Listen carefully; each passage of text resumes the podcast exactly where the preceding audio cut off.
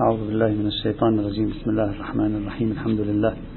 صلى الله على سيدنا محمد وعلى آله الطيبين الطاهرين. وصلنا إلى خواتيم البحث فيما يتعلق باستعراض إجمالي لمسار بعض الشخصيات التي أثارت فكرة هنا أو فكرة هناك تتصل بالمقاصد. رغم أن الأفكار قليلة جدا لكن حاولنا أن نستخرجها ونجعل منها مسارا ولو مسارا متواضعا.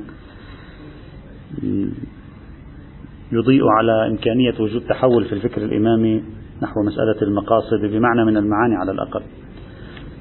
بقي عندنا شخص تقريبا ثلاث شخصيات أربع شخصيات فقط. نريد أن نتحدث عنها في الدرسين الثلاثة القادمة.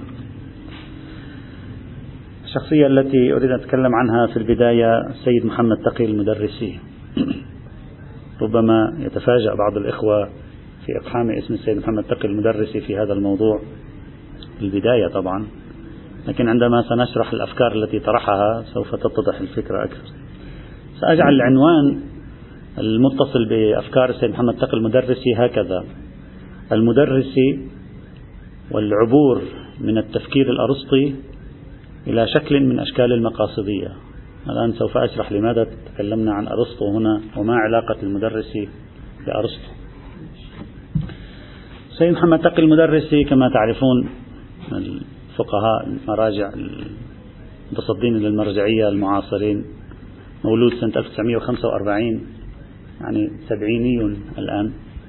شخصية معروفة في مجال نشاطها الاجتماعي والسياسي قديمة جدا خاصة في العراق في الكويت في البحرين في السعودية أماكن له تاريخ طويل معروف. وكذلك في إيران أيضا قبيل وبعيد انتصار الثورة الإسلامية.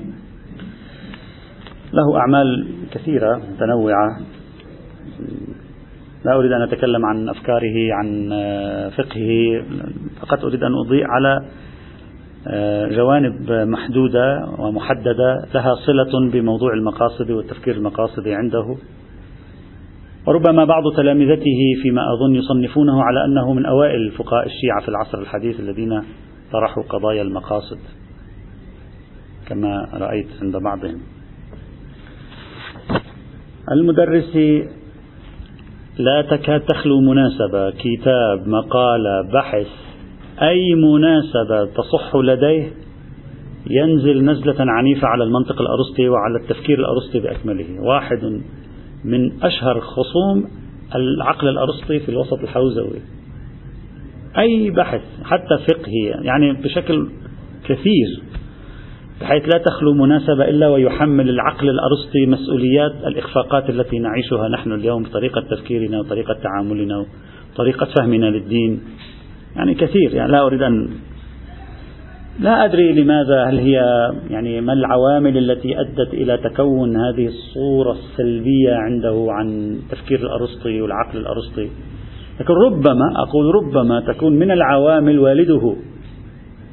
لأن محمد كاظم المدرسي والد محمد تقي المدرسي بالمناسبة محمد تقي المدرسي خاله يكون آه، سيد شيرازي محمد الشيرازي محمد الشيرازي المتوفى رحمة الله عليه. محمد تقي المدرسي والده سيد محمد كاظم المدرسي من الشخصيات التفكيكية المعروفة الذين درسوا عند رجالات التفكيك في مشهد. نعم جاء إلى مشهد فترة واستقر بها وبعد ذلك الأسرة كلها استقرارها منذ أيام يعني قديمة في الكربلاء كربلائيين.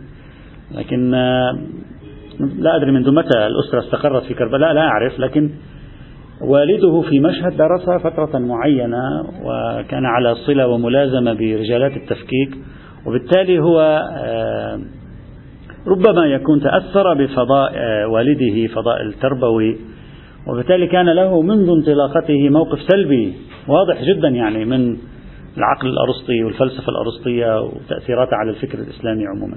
عنده عدة كتب في نقد العرفان في نقد الفلسفة الأرسطية وفي تقديم منطق يسميه هو بالمنطق الإسلامي وفي تقديم عرفان خاص يسميه هو بالعرفان الإسلامي. طبعا هذه الكتب قديمة يعني ليست جديدة ترقى إلى 30 سنة 40 سنة سابقة تم اشتهارها في فترة ربما اليوم لم تعد معروفة يعني بنفس الدرجة التي كانت فيها معروفة من قبل.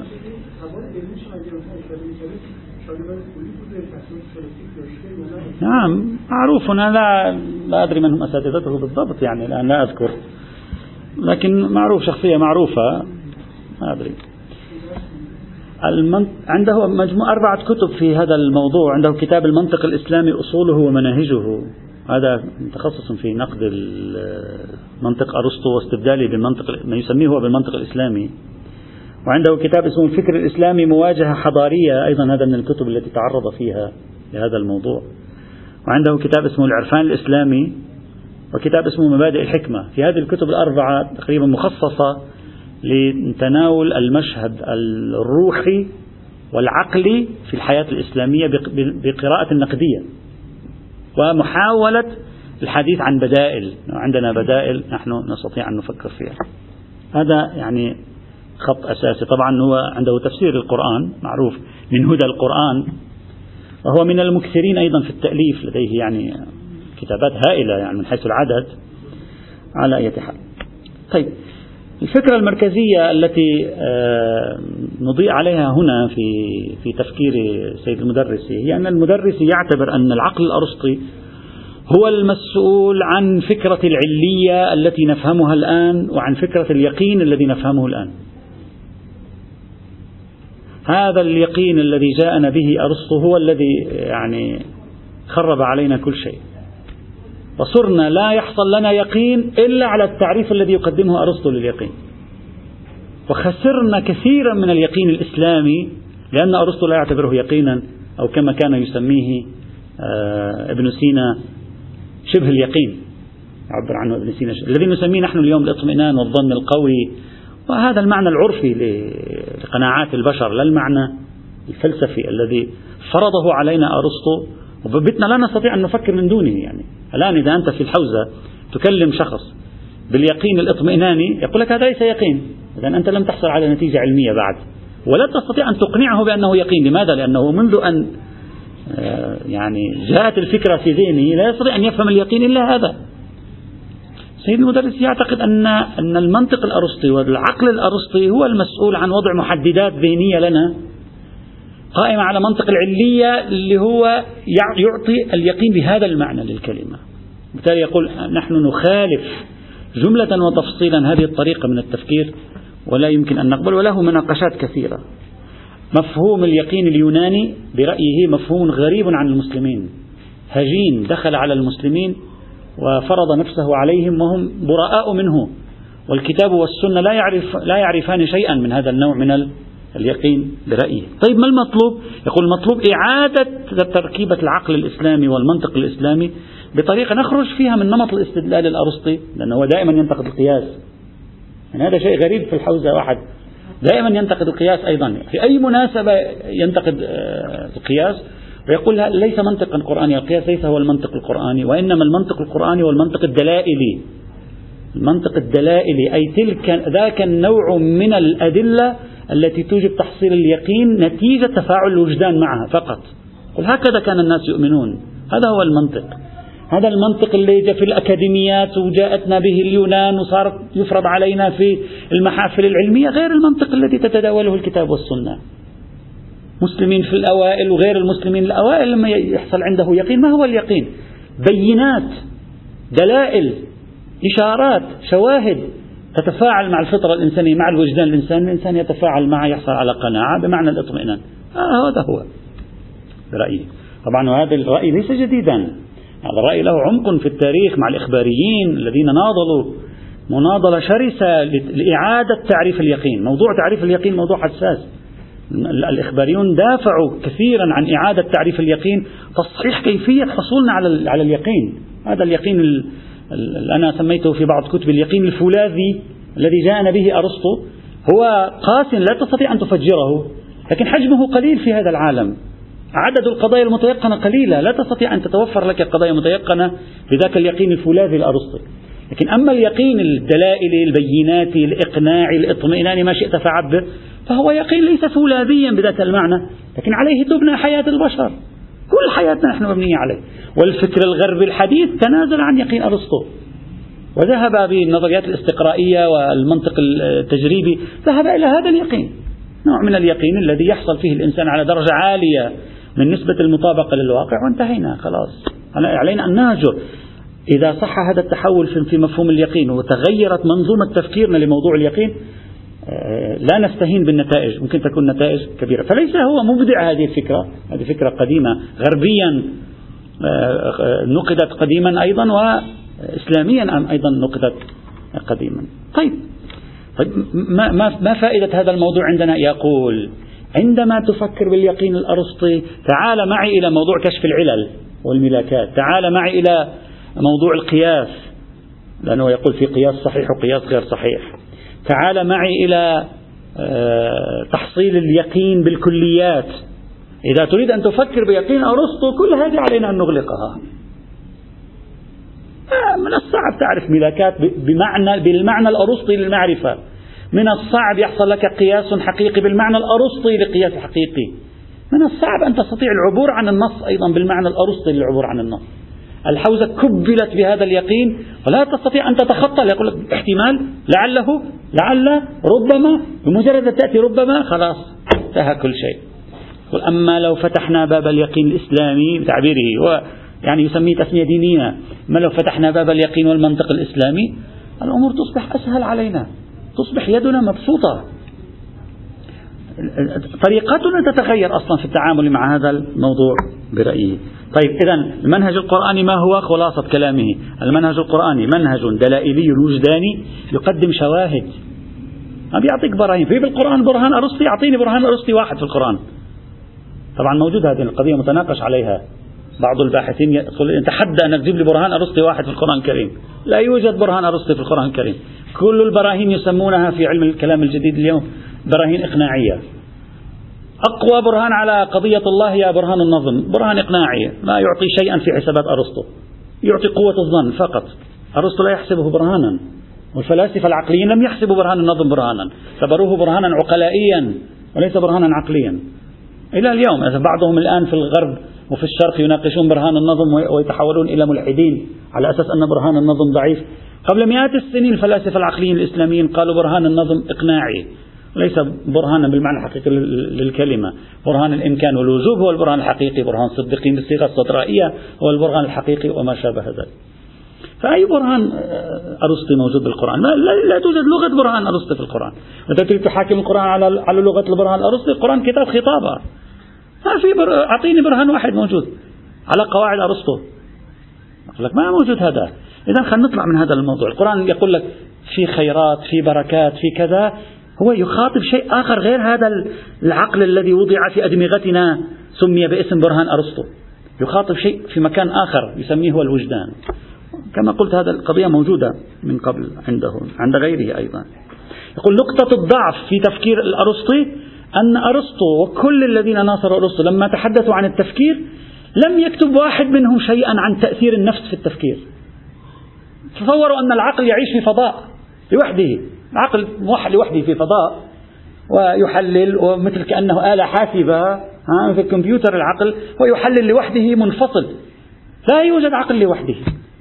هذا العقل الذي تقول أنت لوحده لا وجود له في العالم ولم يوجد ولن يوجد. ليس هناك إلا عقل ممزوج بعاطفة ممزوج بوجدان ممزوج بحس. هو هكذا هو العقل. طبعا هذا الكلام الذي يقوله العقلانية النقدية الغربية بعد كانت هم أيضا قالته. قالوا لا يوجد عقل مفارق. هذا العقل المفارق خيالي. العقل الذي نعيشه كل يوم يخطئ. تقول لي عقل منطق آلة قانونية يعصم كذا. لا يعصم أحد. لأن الذي هو منف... عقل منفصل لا وجود له. أنت تضع قواعد لعقل منفصل. لا يوجد في العالم عقل منفصل. العقل دائما ممزوج بالوجدان دائما ممزوج بالعاطفة دائما ممزوج بتأثيرات المصالح الذاتية. هذه لم يدرسها العقل الأرسطي. عندما حسب صحة التفكير وسلامة التفكير. وهذا ليس انتقاده هو فقط. كما قلت هذا انتقاد ما يعرف بالمدرسة العقلانية النقدية التي جاءت بعد كانت. مشهور هذا النقد. طيب إذا أول نقطة تربط بحثه ببحثنا هي فكرة أن تخلينا عن اليقين. سيفتح باب معرفة العلل سيفتح باب الأقيسة الصحيحة سيفتح باب التعدي عن النصوص. نتخلى عن هذا التشدد. يعني كأني به يريد أن يقول تخلوا عن هذا التشدد. خلصنا عاد نخلص من هذا التشدد في عملية الانتقال من فكرة إلى فكرة؟ ونسهل الأمر علينا وعلى غيرنا. هذه أول نقطة يجسر بها بين نقده للمنطق الأرسطي وقضية قريبة من موضوع بحثنا. النقطة الأخرى. بل.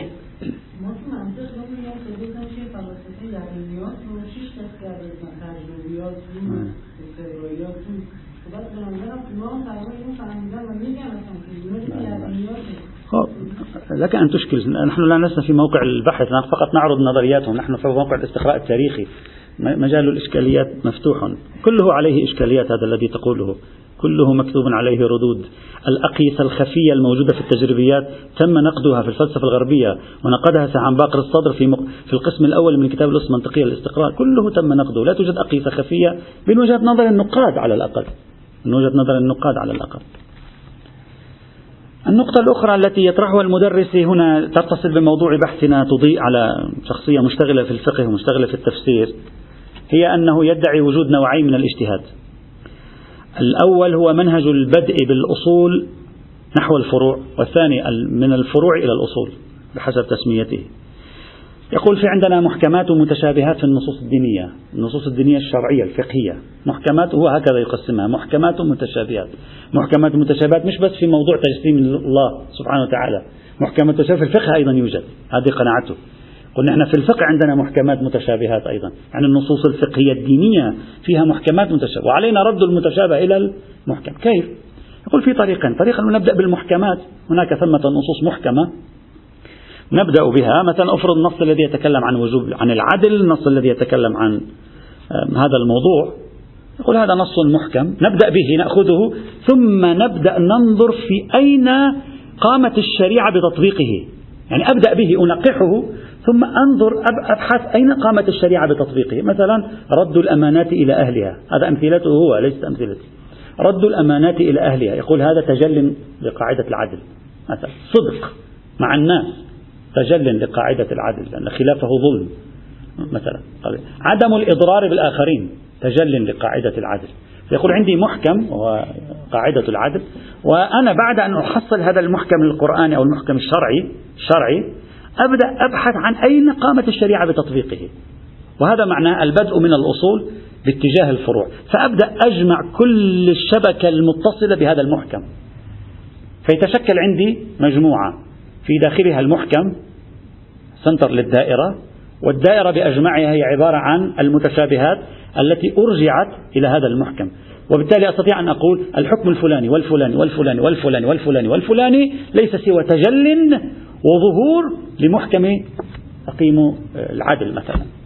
هذا مثال. المنهج الآخر يقول, يقول هذا المنهج هو الأمتن. هو الأفضل. أبدأ بالمحكم وأذهب إلى المتشابه. هذه مجرد تجليات لا أكثر ولا أقل. يقول المنهج الثاني بالعكس تماما. أذهب إلى الفروع. أبدأ أنظر فيها أنظر إلى عناصر التشابه بينها. أنظر إلى عناصر التشابه أكتشف أن عنصر التشابه بينها نقطة. هذه النقطة أعرف أنها موجودة في محكم معين. أكتشف أنها موجودة في محكم قرآني. يعني ما يسميه هو بمنهج الأشباه والنظائر. يعني إذا أردنا أن نأخذ نفس الأمثلة التي قال أذهب إلى موضوع الصدق. لماذا الصدق أوجبته الشريعة؟ أبدأ أفكر. الصدق أوجبته الشريعة لكذا وكذا وكذا. ثم أنظر لماذا رد الأمانات إلى أهلها أوجبته الشريعة؟ أرى أن المبرر لهذا يشبه المبرر لهذا وهو أن هذا عكسه مقتضى الظلم في العلاقات مع الناس.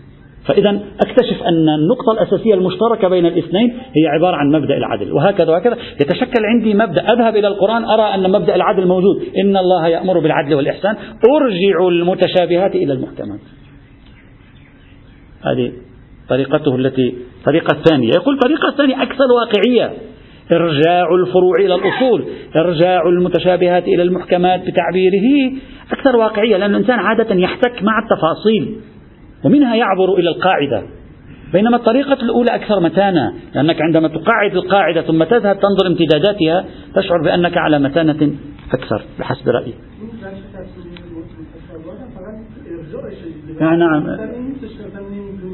لا لأنها لا لا لا تملك تبرير ذاتها بذاتها. لا تعرف بذاتها تعرف بغيرها. أنت لا تعرف لماذا رد الأمانات إلى أهلها. تعرفها بقاعدة أن الله يأمر بالعدل والإحسان. مثلا أرجو أن لا نغرق في الأمثلة. الأمثلة لا تهمنا. قد تكون المثال خطأ. قد يكون هو أعطى مثال خطأ. أو أي واحد من الذين نتكلم عنهم. الفكرة نتكلم الآن. يقول متشابه ليس له ذات يفصح عنها. ذاته الحقيقية موجودة في مكان آخر في ذاك المحكم. وبالتالي تقسيم الشريعة إلى محكم شرعي. ومتشابه شرعي هو الذي سيؤدي إلى هذه العملية آه، في هذا الموضوع. طيب. يفهم المدرس النصوص الدينية المتصلة بالكليات المتصلة بالأصول. يقول إذا راصدنا المحكمات فسنجد أنها عبارة عن سنخ قضايا 99% منها ليست إلا الوجدانيات. التي لو خاطبت بها الإنسان فرجع إلى وجدانه أدركها. يقول وبالتتبع وبالتجربة رأينا ذلك. مثلا مثل العدل موضوع الظلم. أنا الآن أعطي أمثلة من عندي لا أدري إذا هو يقبل هذه الأمثلة. مثل الإحسان مثلا. مثل التعاون مثل البر.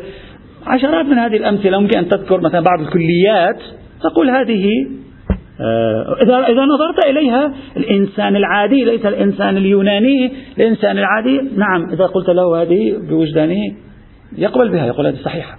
يقول طبائع الكليات أنها أقرب إلى الوجدان منكشفة أكثر إلى الوجدان العقلاء والبشر وعقلهم الفطري. آه، في هذا المجال. لذلك هو يرفض تشويه هذا العقل الفطري بالمنطق الأرسطي كما قلت هو دائما. يقول لا بد من دمج نور الوحي مع نور الوجدان اللغة قريبة من لغة التفكيكيين بالمناسبة.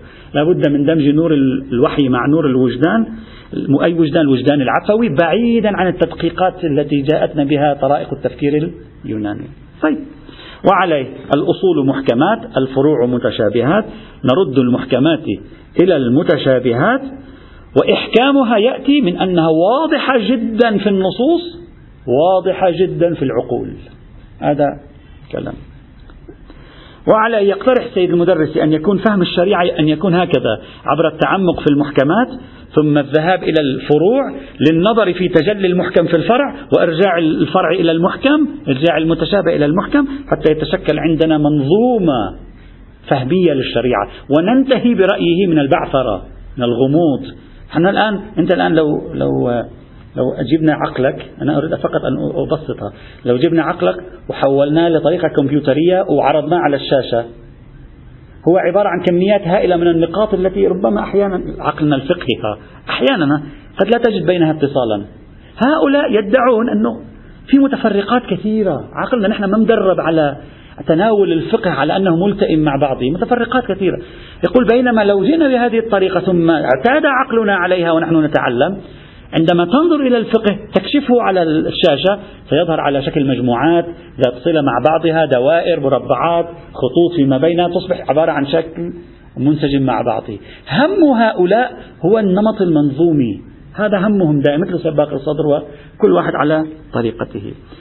هذه الطريقة التي استخدمها هو تشبه كثيرا طريقة ابن القيم الجوزية إذا تذكرونها قلنا ابن القيم الجوزية كان يعمل هذه الطريقة لكن طريقته أوسع بكثير من طريقة ابن القيم ابن القيم غالبا جعلها في المحرمات غالبا في المحرمات أما هم هو يجعلها في كل شيء آه، تقريبا هنا. طيب. إذا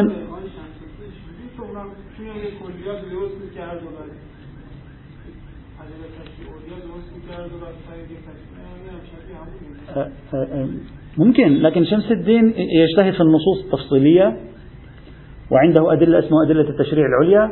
أدلة التشريع العليا قد تكون قرينة على تقييد أو, أو تخصيص إطلاقات أو عمومات وقد تكون دليلا على حكم ليس له وجود في النصوص.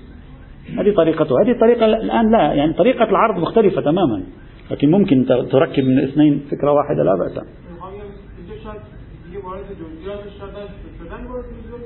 نعم. المدرس أكثر واحد وردها كل الكتب الفقهية هكذا هو هكذا طريقته استقرائية أنا كما سأقول. طريقته ليست على طريقة طريقتنا المتعارفة ليست طريقته استقرائية ولذلك لا أظن أنها تحظى بحضور في الحوزة.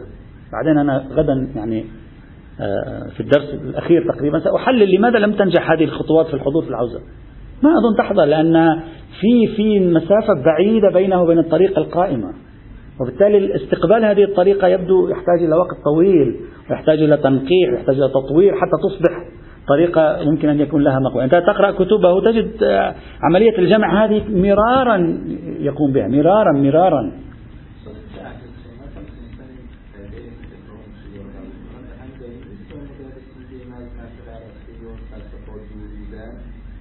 من هم الذين كانوا بعيدين؟ أهل السنة. آه. هو لا يشير إليه. ما ما رأيت له يعني يعني لا يحاول أن أن أن ينسب نفسه إلى هذا الفضاء المقاصدي بهذا المعنى. نعم نعم. الآن قلت قريب جدا من ابن قيم الجوزية قريب جدا من طرائق الأحناف قواعد رد قواعد الأصول والفقه على على ما يسمى بقاعدة رد الفروع إلى الأصول أو بمعنى إنتاج الأصول من الفروع. هذا منهج أصولي موجود من القرن السادس الهجري تقريبا. ربما لا ليس كلهم بعيدون. عن يعني أنت تتكلم عن شخصيات منهم كانوا متخصصين في مجال الكلام والفلسفة مع ذلك سلكوا نفس الطريقة. ما أدري أنا ما ما راصد فتاوى طبعا له بعض الفتاوى المخالفة للمشهور مثل عدم وجود تقليد الأعلم وهذه موجود عنده ولكن لا لم أرصد يعني لم أجري مقارنة واسعة فقط أردت أن أضيء على نقاطه الأساسية آه، في هذا الموضوع. طيب هذه العملية يقول المدرس هي العملية التي يستخدمها القانونيون الحاليون. مثلا علماء القانون الحاليون المتخصصون بالقانون هكذا يفكرون. يفكرون أن عندهم مئة آه، تفصيل قانوني المئة تفصيل قانوني هذا يرجع إلى كليات معينة أربع خمس كليات. دائما يفكرون بذهنية وجود كليات اسمها محكمات ووجود تفاصيل آه، هي التي يتم الرجوع إليها فيها. يقول هذه الذهنية موجودة عند القانونيين لكن عندنا نحن ليست موجودة. يعني لم نتقبلها نحن. آه، لماذا؟ خوفا من القياس على رأيه مثلا. ومن هنا يطالب هو بما يسميه فكرة التنسيب. ويعبر عنها بالتنسيب. يعني كل تفصيل فقهي انسبه إلى أبيه. من هو أبوه؟ أبوه هذا المحكم. يسميه هو فكرة التنسيب. انسب هذه التفاصيل الأب يتولد عندك نمط آخر من, من قراءة الشريعة. يعني تصبح تفكر بطريقة أخرى. نحن لا لا ننسب. نعتبر كل حكم لوحده قائم بذاته يمثل ذاته. لكن هنا لا بعملية التنسيب أنت بعد لا تقرأ الأحكام بطريقة واحدة تقرأ أحكام درجة أولى أحكام درجة ثانية مثلا إذا صح التعبير بناء على رأيه طبعا. يلفت المدرس هنا إلى نقطة مهمة في تقديري جدا وهي أن عملية التعلم على أسلوب رد الفروع إلى الأصول عملية التعلم لأنه يعتبر أن هذه القضية نحن لم نتعلمها أصلا. يعني نحن نتكلم عن موضوع لا نعيشه بادعائه أننا لا نعيش هذه الطريقة من التفكير ولذلك نحن غرباء عنها. يمكن بدنا فترة حتى نتعلم عليها. يقول عملية التعلم على هذا الأسلوب يحتاج كثيرا إلى الغوص في, في نصوص الكتاب والسنة برأيه مثلا يقول أنا بالتتبع والتقري رأيت في كلمات أهل البيت سلام الله تعالى عليهم أنهم كانوا يصدرون الكثير من الفتاوى والمواقف الفقهية في موضوعات عديدة ويربطون بينها وبين الأصل. ولكننا لأننا لا نعرف هذه الطريقة ما التفتنا إلى هذه الرواية. مررنا عليها وكم من رواية أو آية في السماوات والأرض يمرون عليها ومعناها غافلون. يقول ما نلتفت إلى ذلك نحن مع أنهم يطبقون هذه الطريقة. ولا يوم انتبهنا إلى أنهم هم يفعلون ذلك يردون تفصيلا يردونه إلى قاعدة موجودة في نص القرآن وعندما تنظر في القاعدة تجدها من المحكمات التي هي عبارة عن القواعد الأصلية الوجدانية. يقول أنا بالتتبع طبعا ويأتي طريقته كما قلت تتبعية بحيث إذا تفتح أحيانا جزء من كتبه ترى عدد الآيات والروايات أكثر من عدد من نسبة الأبحاث. وهذا ملحوظ لمن يراجع لأنه يعتمد طريقة التقري. يقول أنا جمعت الروايات التي استخدمت كلمة الحرج أو مفهوم الحرج لأرى كيف تداول أهل البيت مفهوم الحرج وجمعت 500 رواية يقول. طبعا في مكان آخر يستعرض كثير منها. يقول وجمعت 500 رواية وبدأت أشتغل على هذه الرواية. كيف كان أهل البيت يتعاطون بين هذا المحكم وبين التطبيقات التي كانوا يصدرونها وفقا لهذا المحكم؟ يقول تخرج بنتائج جديدة هكذا يراهن هو على أنك تخرج بنتائج جديدة وبالتالي نحن الآن نشرح فقط وجهة نظره في هذا يقول لو رأينا طريقة أهل البيت في تعاملهم بين الأصول والفروع ربما تعلمنا الكثير. ويقول تعلمنا الكثير. ويقول تعلمنا الكثير ويجزم بسلامة تجربته. يقول هذه النقطة ينبغي أن ننفتح عليها لنرى طرائقهم سلام الله تعالى عليهم في تركيب الفروع والأصول مع بعضها. كيف يستخدمون هذه القضية وكيف ينزلون الأصول على الفروع؟ نحن بحاجة إلى يقول وهذا هو السبب عندما يقول بعض الفقهاء بأن الأعلم هو الذي هو الأعرف بالأشباه والنظائر. ليش؟ لماذا الأعلم هو الأعرف بالأشباه والنظائر؟ لأن طريقة معرفة الأشباه والنظائر تضع الشريعة كلها على شكل دوائر. تجمع المتقاربات مع بعضها البعض المتشابهات مع بعضها البعض. وبالتالي أنت قريب من هذه الطريقة ولذلك الأعلم يكون بهذا المعنى. طيب. طبعا يبدو لي واضحا من خلال مراجعة مجموعة من كتبه الفقهية أنه يتبع الاستقراء التقري التتبع ضم النصوص إلى بعضها ضم المعطيات إلى بعضها بحيث تجد المعطيات أكثر من عملية التحليل التي يقوم بها أحيانا وفاء لمنهجه في طريقة تناول الموضوعات. ويقول هذه الطريقة لا تقتصر فقط على علاقة الكتاب والسنة. أنا لا أتكلم عن محكمات قرآنية ومتشابهات سنة. لا. يقول في محكمات قرآنية متشابهات قرآنية فقهية. في محكمات سنة ومتشابهات سنة فقهية. في محكمات قرآنية متشابهات سنة أيضا.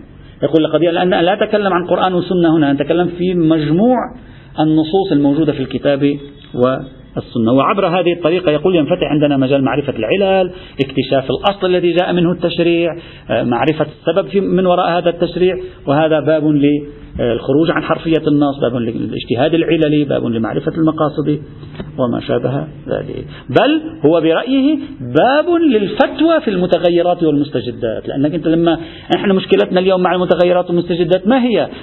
القائس السني القائس السني. ماذا يفعل مع مع المستجدات؟ يقيس مفردة جزئية مع المستجد الجزئي يقول هذا هو الخطأ عنده. لو أن عنده هذه الطريقة الوقائع المستجدة يطبق عليها المحكمات. خلاص المحكمات تطبق عليها مباشرة ويعطي أمثلة. لا أريد أن أخوض في أمثلته. الإخوة الذين يودون طبعا وهو يستشهد بأن علينا الأصول وعليكم التفريع يستشهد بهذا بهذه الرواية. يقول هذا معنى ما معنى هذه الرواية؟ معناه أن نحن نعطيكم هذه الأصول المحكمات. أنتم اذهبوا اكتشفوا الفروع وأخرجوا الفتاوى في المواقف الجزئية المتشابهية في ضوء تلك المحكمات التي تسمعونها منا.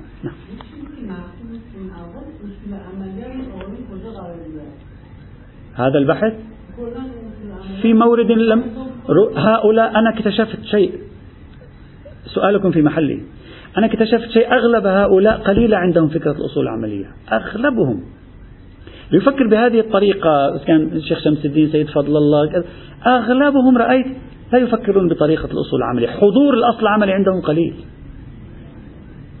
لأن نسبة قوة الأمارات تصبح أكثر. إمكان وصوله إلى دال تصبح أكبر. وهذه ملاحظة في محلها. الأصول العملية تتراجع عندهم. لا, لا تزيد. تعرفون أن موضوع الأصول العملية في مدرستين مدرسة البروجردية والمدرسة النجفية. سيد البروجردي طريقته البدء بالأمارة إن لم نجد شيء نذهب للأصل إذا وجدنا شيء بعد ما نضيع وقتنا نذهب للأصل. طرائق النجفية المعروفة المحق العراقي ميزان النائيني صاحب الكفاية كذا. تأسيس الأصل في المسألة. أول شيء نبدأ تأسيس الأصل في المسألة عند الشك يابا نحن ما شكينا. ليش تريد تبحث في تأسيس الأصل؟ لأن فكرة الأصل لها حضور عميق. دائما فكرة الأصل لأنهم دائما يتوقعون أن لا يصلوا إلى نتيجة. وهذا الفرق بين مدرسة أنا في أحد البحوث كتبت التفصيل عن هذا الموضوع. بين مدرسة البدء بالأمارات والرجوع إلى الأصل عند فقدان الأمارة وبين البدء بالأصل. البدء بالأصل دائما الشك يسيطر عليك. دائما. دائما تعتبر أنني قد لا أصل إلى نتيجة. طيب يعني إذا ما وصلت لنتيجة حينئذ ابحث. ها؟ مثلا ربما ربما ربما هكذا.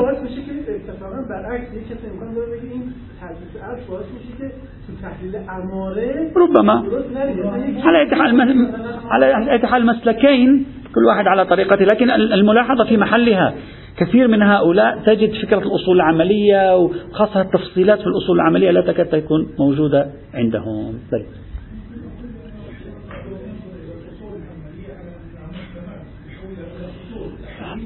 ربما أنا لا إذا إذا إذا حولها هكذا فهذا تعديل كبير في في, في الاجتهاد الإمامي. لم أجد أحدا. ممكن. ممكن. ممكن ولكن ولكن صحيح. ممكن ولكن إذا حدث هذا فهذا تغير جذري في بنية الاجتهاد الإمامي التي صارت مكرسة منذ 400 سنة إلى اليوم. وبالتالي يعني يتوقع منهم أن ينظروا أكثر. يعني ما ما أدري. ممكن. ممكن. كل شيء مفتوح على الاحتمال. ممكن تصبح عبارة أصلا نترك فكرة ثنائية الظاهر والواقع. ممكن. الإخوة الذين أقتصر هذه الأفكار التي وجدت أنها لها صلة بموضوع البحث. الإخوة الذين يودون أن يراجعوا بحوثه في كتابين سلط بهما الضوء على هذا الموضوع. الكتاب الأول آه، التشريع الإسلامي مناهجه ومقاصده. عنده هذا الكتاب الآن الكتاب يصدر مجلد تلو مجلد يعني. وكتابه الآخر فقه الاستنباط دراسات في مبادئ علم الأصول. الإخوة الذين يريدون التوسع في تجربته يمكنهم أن يراجعوا هذين الكتابين. أنا فقط أخذت الجزئين المتصلين بموضوع بحثنا. شخصية أخرى أريد أن أضيء عليها أيضا سريعا آه، اليوم السيد محمد حسن الأمين.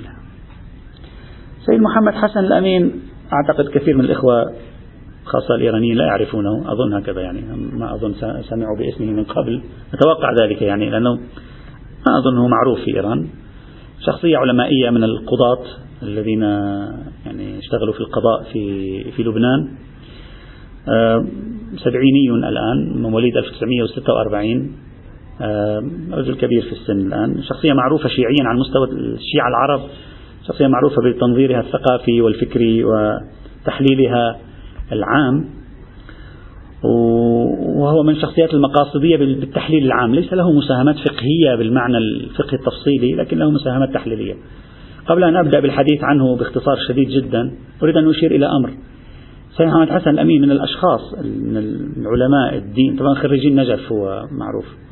من علماء الدين الشيعة الذين رأيت لهم حضور كبير في تفكيره آه، لربط المعرفة بالاجتماع السياسي.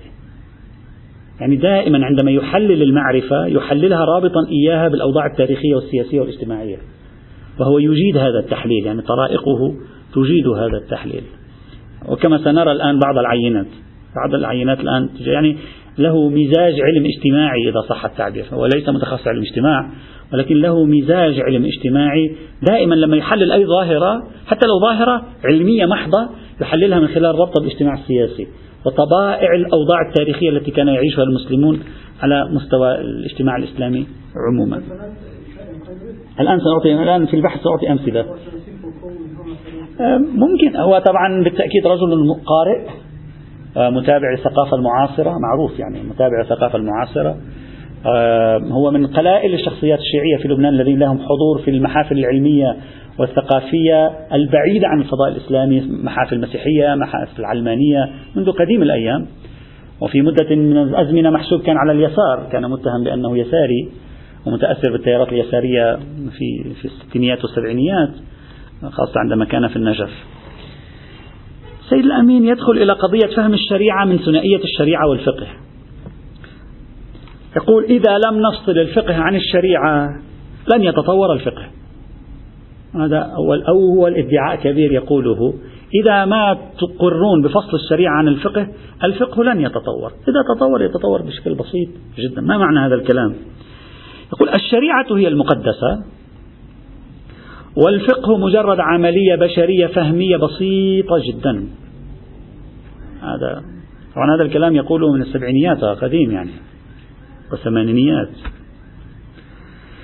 وبالتالي يضع علامة استفهام كبيرة على كلمة الراد على الفقيه راد على الله. قل هذه استغلت بطريقة دمرت تطورنا الفكري. كل واحد يتكلم مع فقيه كلمة يعني هو يرد على الله سبحانه وتعالى. الفقيه ليس هو الشريعة. الفقيه ليس هو الشريعة.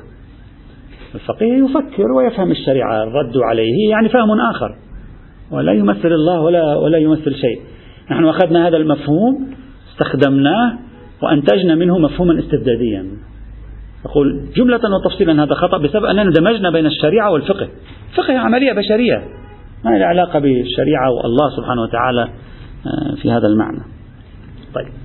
يرجع السيد الأمين عجز الفقه اليوم وطبعا راح تتفاجأوا في هذه الطرائق في التفكير التي يقولها. يرجع عجز الفقه إلى جعل الفقه اختصاص الفقهاء. أنت الآن بديهية هذه أن الفقه هو اختصاص الفقهاء. يقول هي هذا الخطأ. خطأنا أننا جعلنا الفقه مختصا بعمل الفقهاء أنفسهم. شو نعمل؟ يقول الفقه عملية معقدة جدا. الفقه جوانبه متصلة بالعلوم الإنسانية. ليس الفقهاء لوحدهم من يتكلم في الفقه القضايا الفقهية. لا ليس لوحدهم. الفقه النتيجة التي يريد أن يخرجها الفقيه عملية معقدة جدا جزء منها استنطاق النص هذه وظيفة الفقيه جزء آخر منها دراسات إنسانية متعلقة بكيفية ارتداد الفتوى فالفقيه المقاصدي لا يمكنه أن يخرج عن طريقة فهم الفتوى في دائرة تأثيرها العملي. وبالتالي من الذي يرصد الفتوى في دائرة التأثير العملي؟ يرصدها علماء العلوم الإنسانية. فلا بد أن يكون هناك تفاوض بينه وبينهم قبل إصدار الفتوى لكي نقول الفتوى هي على الشكل التالي. لأنني ما دمت مقاصديا في تفكيري لا يوجد عند المقاصد شيء اسمه فتوى وانتهينا أنا أعطيك فتوى وأنا أذهب. خذ هذه الفتوى وأنا أهرب. خذ هذه الفتوى أنا مسؤول عنها في, في على أرض الواقع. فإذا كنت مسؤول عنها على أرض الواقع كيف أعرف أن هذا الفتوى تنجح أو لا تنجح على أرض الواقع؟ لابد أن تأتي العلوم الإنسانية في لحظتنا الزمنية وتقول هذه الفتوى تعطي كذا هذه الفتوى لا تعطي كذا هذه الفتوى. تدرس على الطريقة الفلانية. هل أنت تسميه ما تسميه؟ عنوان ثانوي هو يسميه قراءة مقصدية. وبالتالي يقول خطأ الفقهاء أنهم عزلوا الفقه إلى داخل بيوتهم.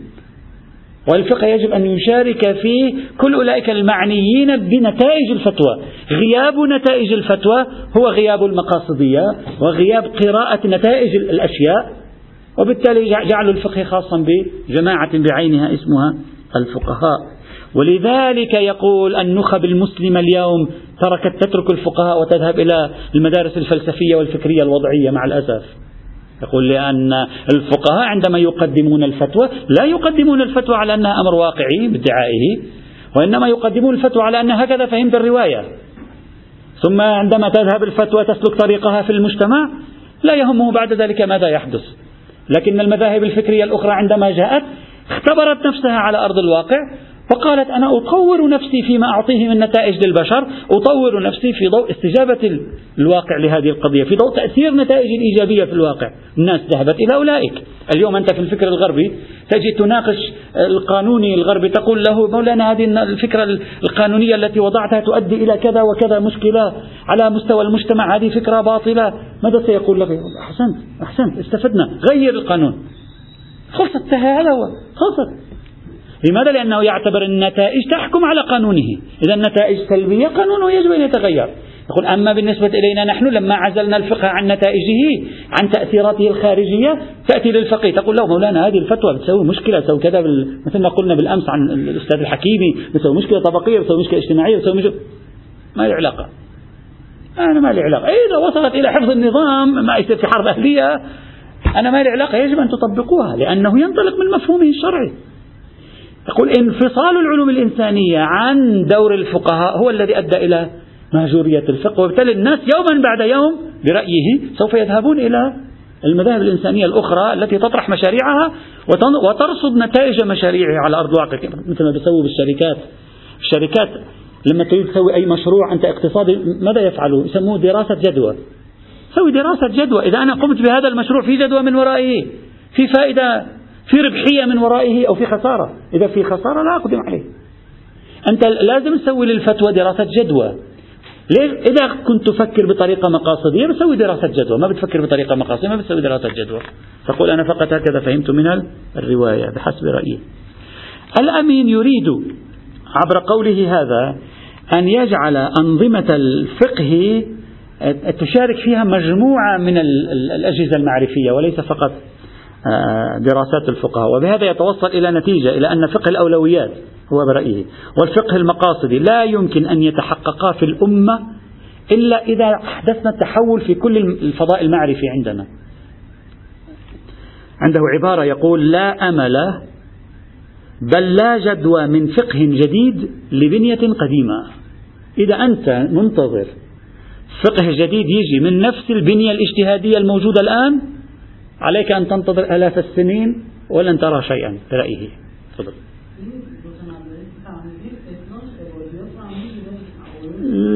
عادة في العبادات لا لكن إذا العبادات لها تأثير اجتماعي أظن الأمين يقبل. أنا أعرفه شخصيا يعني أعرفه معرفة قوية. أظنه ما عنده مشكلة. إذا تصل إلى هذه المرحلة أظنه ما عنده مشكلة. إذا العبادات تؤثر لكن عادة العبادات بمعنى من يعني إذا تجي تذبح 2 مليون غنم في في في في منى ثم تذهب هذه ولا تستطيع أن تستفيد منها يقول لك نعم. يقول لك الفكر المقاصدي لا يمكن أن يقبل بنمط. فكر النتائج الذي يرصد نتائج الفتوى على أرض الواقع. يقول لك الفقيه مسؤول عن هذا الأمر. الشريعة تجعله مسؤولا عن هذا الأمر. عندما يريد أن يفكر في فتوى عليه أن يرصد النتائج. النتائج جزء من عملية صدور الفتوى. مو عنوان ثانوي هذا. هي الفتوى هكذا. لأننا نتصور الفتوى ثابت لأننا نتصور الفقه شريعة فكرنا بهذه الطريقة لكن لما تتصور الفتوى مثل القانون متحركة فمعنى ذلك أنها سوف تتغير بتبع تغير نتائج الفتوى في الواقع. ففتاوى الأقدمين إذا نتائجها إيجابية في زمن الأقدمين اليوم نتائجها سلبية أوتوماتيكيا سوف تتغير. هذه طريقة التفكير السيد الأمين في هذا الموضوع. لا المقاصد هنا الغايات. الغايات هي تحقيق المصالح. إذا كانت هذه الفتاوى لا تحقق مصالح الناس فإذا معنى ذلك أنها لا تحقق مقاصدها.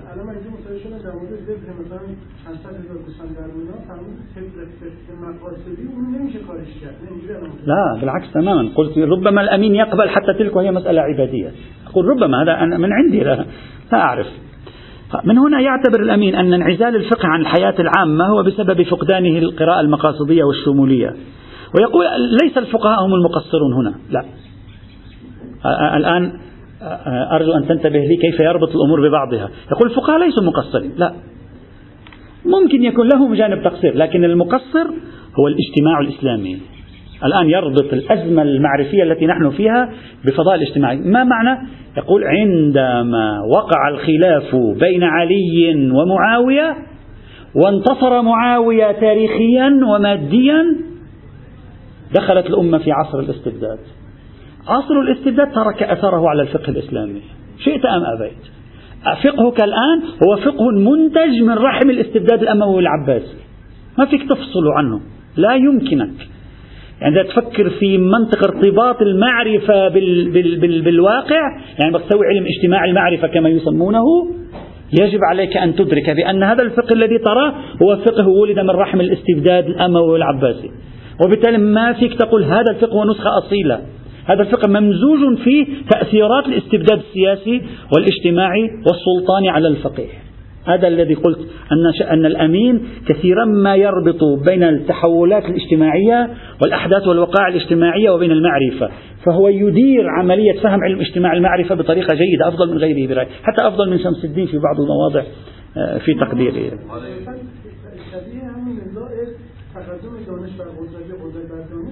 نعم نعم نعم نعم. هو يعتبر أن السلطة هي التي تؤثر في المعرفة هنا. هي التي هذا الفقه الذي تراه هو فقه ولد في حقبة زمنية. ما في فقه مطلق. لذلك قلت في البداية نقطة حجر الزاوية عنده فصل الفقه عن الشريعة. لما يكون فقه بشري إذا فهو منتج زمني. لما يكون منتج زمني إذا عليك أن تراجع تأثيرات الزمان عليه. لما يكون هذا الفقه أنتج في العصر الأموي العباسي في العصر الذي خرجت فيه الأمة من عن إرادتها ودخلت في إرادة السلطان لما انتصر معاوية؟ نعم هذا الفقه. الآن الاستبدادية الأموية والعباسية ستراها في الفقه.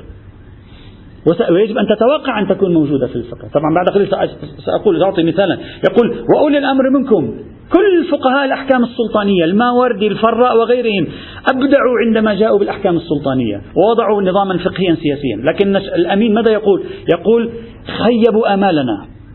لماذا خيبوا آمالنا؟ يقول لأنهم كلهم ركزوا على وأطيعوا الله وأطيعوا الرسول وأولي الأمر منكم. ولا واحد منهم كان يقول لنا كيف ننتخب الحاكم.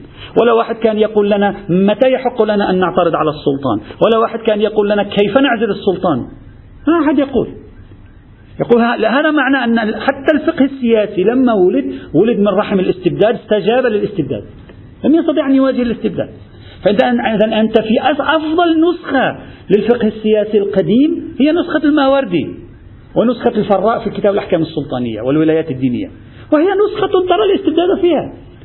ترى أن السلطان هو الذي يحكم. ترى أن الناس هي التي يجب عليها أن تطيع. لا ترى حرية الناس لا ترى حقوق الناس لا ترى شيئا من هذا. دائما الحسبة شرطة الأمر بالمعروف والنهي عن المنكر تذهب إلى الأسواق تلزم فلان تضرب فلان تفعل فلان مع كذا. لا تجد الحقوق لا تجد حريات لا تجد الإنسان أصلا بسبب ذلك. هذا معنى أن الاجتماع الإسلامي ترك أثرا من وجهة نظره في الفقه الإسلامي وبالتالي أنتج لنا فقه منسجم مع ظروف تلك المرحلة. اليوم نحن في ظروف مرحلة الخروج من الاستبداد. وعلينا أن نفكر في إنتاج فقه يتحرر من الاستبداد. عفوا. نعم نعم معطيات هكذا كلنا عبارة عن مكون واحد. بل ربما يكون الشيعة أكثر تأثرا بالاستبداد لأنهم بالنهاية هم المقموع الطائفة المقموعة. وبالتالي فرض ذلك عليهم ضغطا مثلا معينا. لا يميز أبدا إطلاقا في هذا الموضوع. وبهذا يطرح الأمين فكرة الفقه المقاصد السلطاني والفقه المقاصد الإلهي. يقول في فقه مقاصدي سلطاني يحقق مقاصد السلطان أما الفقه المقاصد الإلهي لا يحقق مصالح الأمة ولا يكبل الناس. الإسلام جاء ليحرر الناس من أغلالهم. أفاضوا في الفقه السلطاني في إثبات طاعة الحاكم وتركوا مصالحنا. الجماعة أقول أطيعوا الله الرسول أطيعوا أولي الأمر. يا أبا حدد لي أولي الأمر من هم؟ لا فقط إذا إذا جاء أولي الأمر حتى بالغلبة خلاص انتهى الموضوع.